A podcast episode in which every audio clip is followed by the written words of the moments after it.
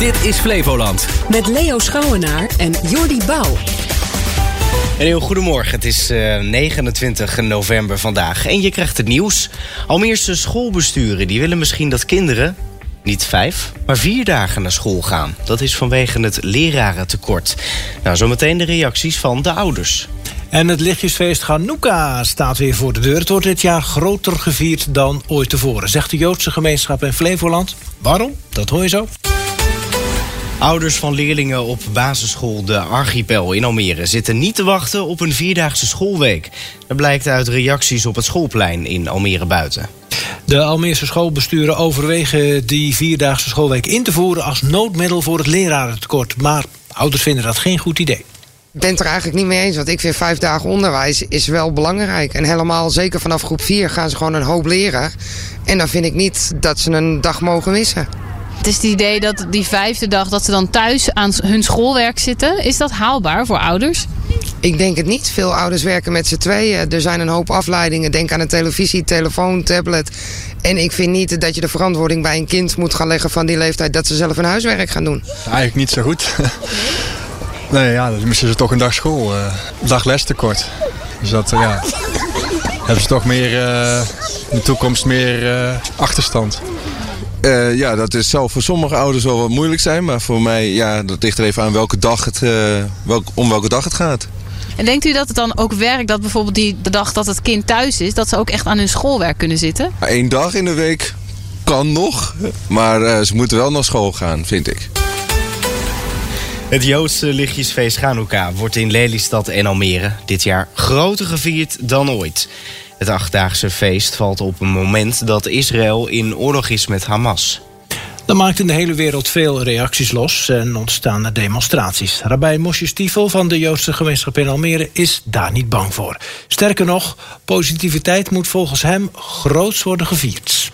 Nou, we beginnen meteen de eerste avond van Chanukah um, in de hoofdstad van Flevoland, in Lelystad. Um, in Almere vieren we dat op de zevende avond van Chanukah. Um, op woensdagavond 13 december om half zeven. We gaan het dit jaar uitgebreid vieren. Dat doen we ieder jaar. Maar vooral dit jaar, waar we leven in een wereld met zoveel duisternis, zoveel oneenheid, zoveel negativiteit, zoveel haat, gaan we precies het tegenovergestelde doen. En doelt u daarmee het conflict tussen Israël en Hamas? Onder andere de conflicten tussen de Israël en Hamas. En ook de conflict die hoe zich uitbreidt over de hele wereld. Um, dus wij, uh, Hanukkah vertegenwoordigt het idee van licht in de duisternis. Dus de manier om hoe, gaan we, hoe ga je duisternis, hoe vecht je tegen duisternis? Niet op een negatieve manier, maar juist op een positieve manier. Juist extra uitstralen van, van, van liefde, van, van, van positiviteit, van licht, van eenheid. Maar ik denk dat dit jaar wordt er extra aandacht besteed om juist in het openbaar um, extra licht uit te stralen naar buiten. Maar vrees u niet dat het verstoord zou kunnen gaan worden door mensen die dan tegen Israël zijn en bijvoorbeeld voor de Palestijnen? Kijk, natuurlijk, we zijn, we zijn reëel. Uh, we zijn realistisch en we weten de, de situatie zoals het afspeelt in de hele wereld. Ook hier in Nederland. Um, en we zijn alert, maar we zijn niet bang. Goedenavond. Chag Sameach. Chanukah Sameach. Um, wij, uh, uiteraard regelen wij um, de, de beveiliging uh, wat nodig is. En de, zeker in dit situatie, in de, in, de, in de tijd die wij nu in leven. Maar, um, en natuurlijk, we sluiten niets uit. Het kan van alles gebeuren. het, kan, het kan zijn mensen, mensen die zou komen, die zo proberen de, onze vreugde te, te, te storen. Maar wij gaan gewoon door. Heeft u daarover al contact gehad met Almere, met Lelystad en ook met andere gemeenten in Flevoland waar dan Hanukkah gevierd gaat worden? Ja, uiteraard. In Lelystad um, uh, zal de, de burgemeester van Lelystad ook aanwezig zijn. Uh, en um, de burgemeester steekt ook aan, de, ook, steekt ook de, de hoofdlicht aan van de menorah. Dus we gaan het, uh, we gaan het uitbundig vieren in Flevoland. Ja, belangrijke taak dus voor de burgemeester van Lelystad. Maar hoe zit het in Almere? Wie gaat het daar doen? In, in Almere gaat, eh, eh, zal, de, zal de burgemeester ook de, de hoofdlicht van de menorah aansteken. Ja, daar zijn de burgemeesters van eh, Flevoland dus bij eh, betrokken. Klopt. En waar gebeurt het precies? Ehm, nou, beide vieringen in Flevoland, zowel Almere als Lelystad, gebeuren voor de hoofdingang van de stadhuis. Ja, toen werd er eh, gezongen en gedanst voor de stadhuizen van Lelystad en Almere. Rabijn Mosje Stiefel was dat. Wat heb je gisteren gemist op eh, radio en tv? Vertel Jordi. In Op 1 werd het aanstellen van Ronald Plasterk als nieuwe formateur besproken.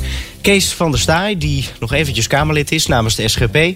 die pleit voor een onafhankelijke formateur. Wat je ziet is dat je natuurlijk altijd wel weer ruis kan krijgen rond de persoon. We zagen dat met de eerste verkenner die nu ook weer eh, natuurlijk eerst eh, aangesteld werd.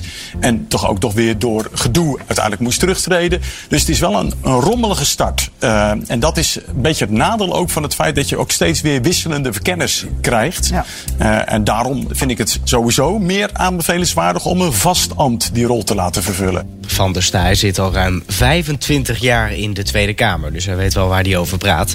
En hij denkt dat we een andere kant van Wilders gaan zien als hij premier wordt. Ik denk dat, dat hij zeker in staat is om ook een andere rol dan die van een eh, oppositiepoliticus. eh, met verve invulling te geven. Ik heb hem ook in andere rollen meegemaakt, ook in, als, als Kamerlid nog. En dan merk je dat hij ook wel degelijk op, op inhoud eh, heel gedegen eh, ook een controlerende of een medewetgevende rol invulling kan geven. Ja, de keer op een ochtend, heel vroeg, ging Kees van der Staaij zijn naam rond... dankzij een fake account van de PVV. Ah. Die had toen gezegd van Kees van der Staaij wordt eh, de verkenner. Maar later werd het die groen van, van Strien. Dus wilde nog ochtends vroeg boos geweest, want het stond al op de Telegraaf. Maar goed. Mohamed Hedi die was jarenlang een beruchte crimineel. En boos schoof hij aan samen met oud-politieagent en programmamaker Dwight van Van de Vijver... die Mohamed hielp op het rechte pad te komen. Ik kom net van de politieacademie. Ik was 24. En eh, ja, ik was bij de politie gekomen om boeven te vangen. Dus wat jullie in dat filmpje zagen. Daar wilde ik gewoon heel graag wat tegen doen. Ik had in mijn hoofd, ik wilde goede burgers beschermen tegen de slechte. En ik had nog niet het besef dat de jongens die dit veroorzaakten zelf ook een verhaal hadden. Eh, maar Mohammed was wel inderdaad de schrik van de buurt en eh, een leidend figuur. Dus geen meeloper. Als jong baasje al? Jong baasje, ja. Dus bepaalde talenten die hij nu positief inzet, die herkenden we toen al. Mohammed streeft er nu naar anderen te helpen die zich in vergelijkbare situaties bevinden. Ik denk echt eh, persoonlijk dat je ook eh, meerdere eh, ja, gevallen als ik eigenlijk... dus er zijn echt genoeg mensen die ook veel dingen hebben meegemaakt... en dezelfde taal spreken eigenlijk als die jongens. En echt begrijpen eh, wat die jongens meemaken. En eh, ik probeer daarin een toegevoegde waarde te zijn voor mijn collega's. En denk je dat het lukt? Ja, dat hoop ik wel. Ieder jaar verdwijnt er enorm veel afval in de gracht. In Leiden zorgt een groep vrijwilligers onder de naam De Grachtwacht ervoor dat het afval weer wordt opgevist. Gisteren kreeg het initiatief een wetenschappelijke prijs. In Langs de Leiden en Omstreken legt de bioloog Auke Florian Hiemstra uit waarom hun project niet alleen bijdraagt aan een schone, eh, schone gracht, maar ook aan de wetenschap. Als je terug bent van de clean-up en je hebt je emmers vol met afval, dan begint eigenlijk het tweede deel. Ehm, en minstens zo'n belangrijk deel, waarbij we alles gaan sorteren en gaan kijken, maar wat hebben we nou gevonden? Ehm, en dan, dan proberen we eigenlijk een soort bron- en contactonderzoek te doen om te kijken van oké, maar wat wij dus hier in de ton hebben liggen, waar kwam dat vandaan? Kunnen wij dan kijken, wat verandert er in de gracht? Waar komt dat vandaan? En kunnen we dat bij de bron al zien te stoppen? Dus uiteindelijk is ons doel van de grachtwacht om structureel minder afval in die gracht te krijgen. Nou, die grachtwachten die geven ook nog eens voorlichting op scholen. Het duurt nog eventjes. Nou ja, voordat je het weet is het zover. Wat dan? Kerst. Oh. En wat staat er dan bij jou op menu? Dat moet ik nog bedenken, Jordi. Ik heb nog geen idee. Niet traditioneel op eerste en tweede kerstdag gourmetten? Ik heb een eh, vegetarische dochter en wanneer die dan komt, dan gaan we natuurlijk niet gourmetten. Nee. Nou, Nou dan ja. kan ze er een banaantje op leggen. Dat, dat zou ook lekker zijn, ja. Of zo'n paprikaatje, dat is ook nog wel, eh, Ja. wel prima hoor. Maar goed, Champignonnetje. veel mensen... En eh, nou, veel mensen die vinden het nog wel lekker om een stukje vlees eh, te Tuurlijk. eten met Zeker. kerst. En dat betekent straks weer topdrukte voor de slagerijen in Flevoland. Ook al, nu al, bij de Almeerse slagerij Nice to Meet. Familiebedrijf bestaat al bijna 130 jaar en de bestellingen die stromen binnen. Directeur en eigenaar Michael Pauw. Ja, het wordt echt heel druk. En dat is bijna een understatement, want vanwege Sinterklaas komen dit weekend al veel families bijeen. Gourmetten. Hè? Want wij zien echt daar inderdaad dat mensen dat uh, enorm oppakken. En uh, online en ook hier in de pop-up winkel die we hebben. En voor de horeca zijn mensen allemaal aan het bestellen. Wat heb ik voor mijn kerstmenu nodig? 80 personeelsleden de voorraden bijvullen, zodat alles klaar staat. Ja, als je dan bij ons kijkt bijvoorbeeld uh, voor gourmetschalen... dan gaat het natuurlijk niet in tientallen stuks. Dat gaat ook niet in honderdtallen stuks. Dat gaat gewoon in duizendtallen. En als je kijkt naar Tournedoos, ja, er worden echt nog wel honderdduizend tournedoos gesneden voor het einde van het jaar. En we hebben ook allemaal bestellingen binnen voor uh, bedrijven die uh, hun medewerkers een mooie rollade willen geven. Want dat is een van de producten die dit jaar weer helemaal uh, terug is ook. En er zijn volgens Pauw meer trends. Dit jaar is rundvlees is heel erg populair.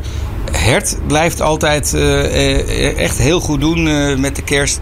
Maar uh, wat wij zien is dat mensen ook graag kiezen voor een groot stuk familievlees. Dus niet zozeer iedereen zijn eigen biefstukje. Kan ook natuurlijk. Maar vaak een hertenrugfilet in zijn geheel. Of een mooi staartstuk. Dat heet ook wel eens. Heet dat ook wel. Uit Zuid-Amerika heet dat. Een mooi staartstuk kan je prachtig met z'n vieren, met z'n zessen of met z'n tienen. Kan je dat eten. We zien dat ook mensen weer uh, uh, heel mooi maken. Een ossehaas in bladerdeeg. Hè, dat heet een Buff Wellington. Dat is ook iets wat uh, wij zien als zijn de echte trends voor uh, dit jaar. Tijdens de internationale World Steak Challenge, zeg maar de Oscars voor de steaks, viel het bedrijf uit Almere meermaals in de prijzen. Ook voor het allerbeste stukje vlees ter wereld. Creekstone Black Angus Cornfed Beef is echt een van de allerlekkerste steaks. En die zou ik zeker een keertje proberen.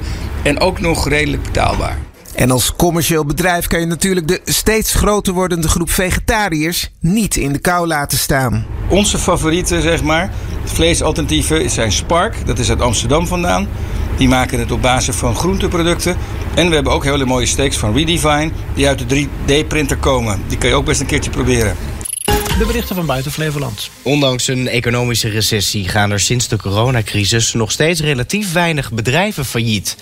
Maar ondernemers hebben wel problemen. Hulporganisaties zien dat ze steeds vaker aankloppen. Zoals bij Overrood in Apeldoorn, waar oud-zakenmensen en oud-juristen ondernemers in nood begeleiden.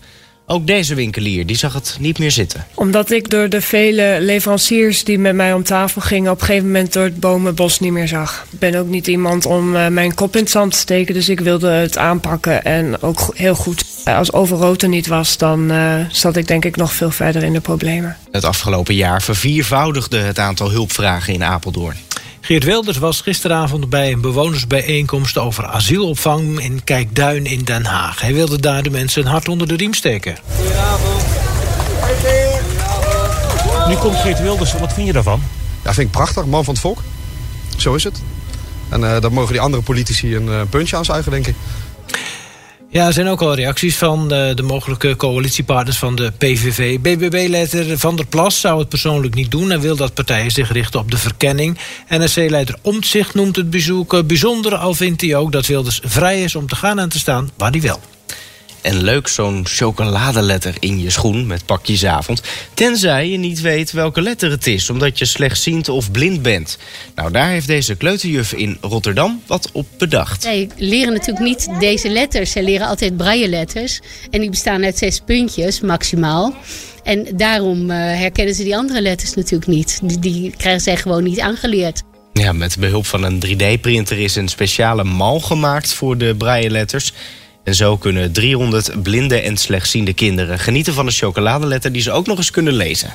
In Amerika is de nationale kerstboom omgevallen die voor het Witte Huis eh, stond. Hij had al lampjes en uh, morgen zou die officieel worden ontstoken. Maar door de harde wind is die uh, omgeblazen, zei deze Amerikaanse verslaggever. Not the most ideal way to kick off the holiday season, but there it is. The White House Christmas tree lying toppled over on its side, brought down by a gust of wind, according to the National Park Service. Uh, we can confirm it is very cold and windy out here right now. Op social media gaan de mensen los. Ze schrijven onder meer: Het is een boom als Biden. Oh, die valt bij een windvlaag om. Inmiddels is de boom met de kraan weer rechtop gezet. Gelukkig maar. Eind goed, al goed. En dat gedoe met die kalkoenen hebben we ook al gehad. Nieuws en informatie uit je eigen regio. Dit is Flevoland.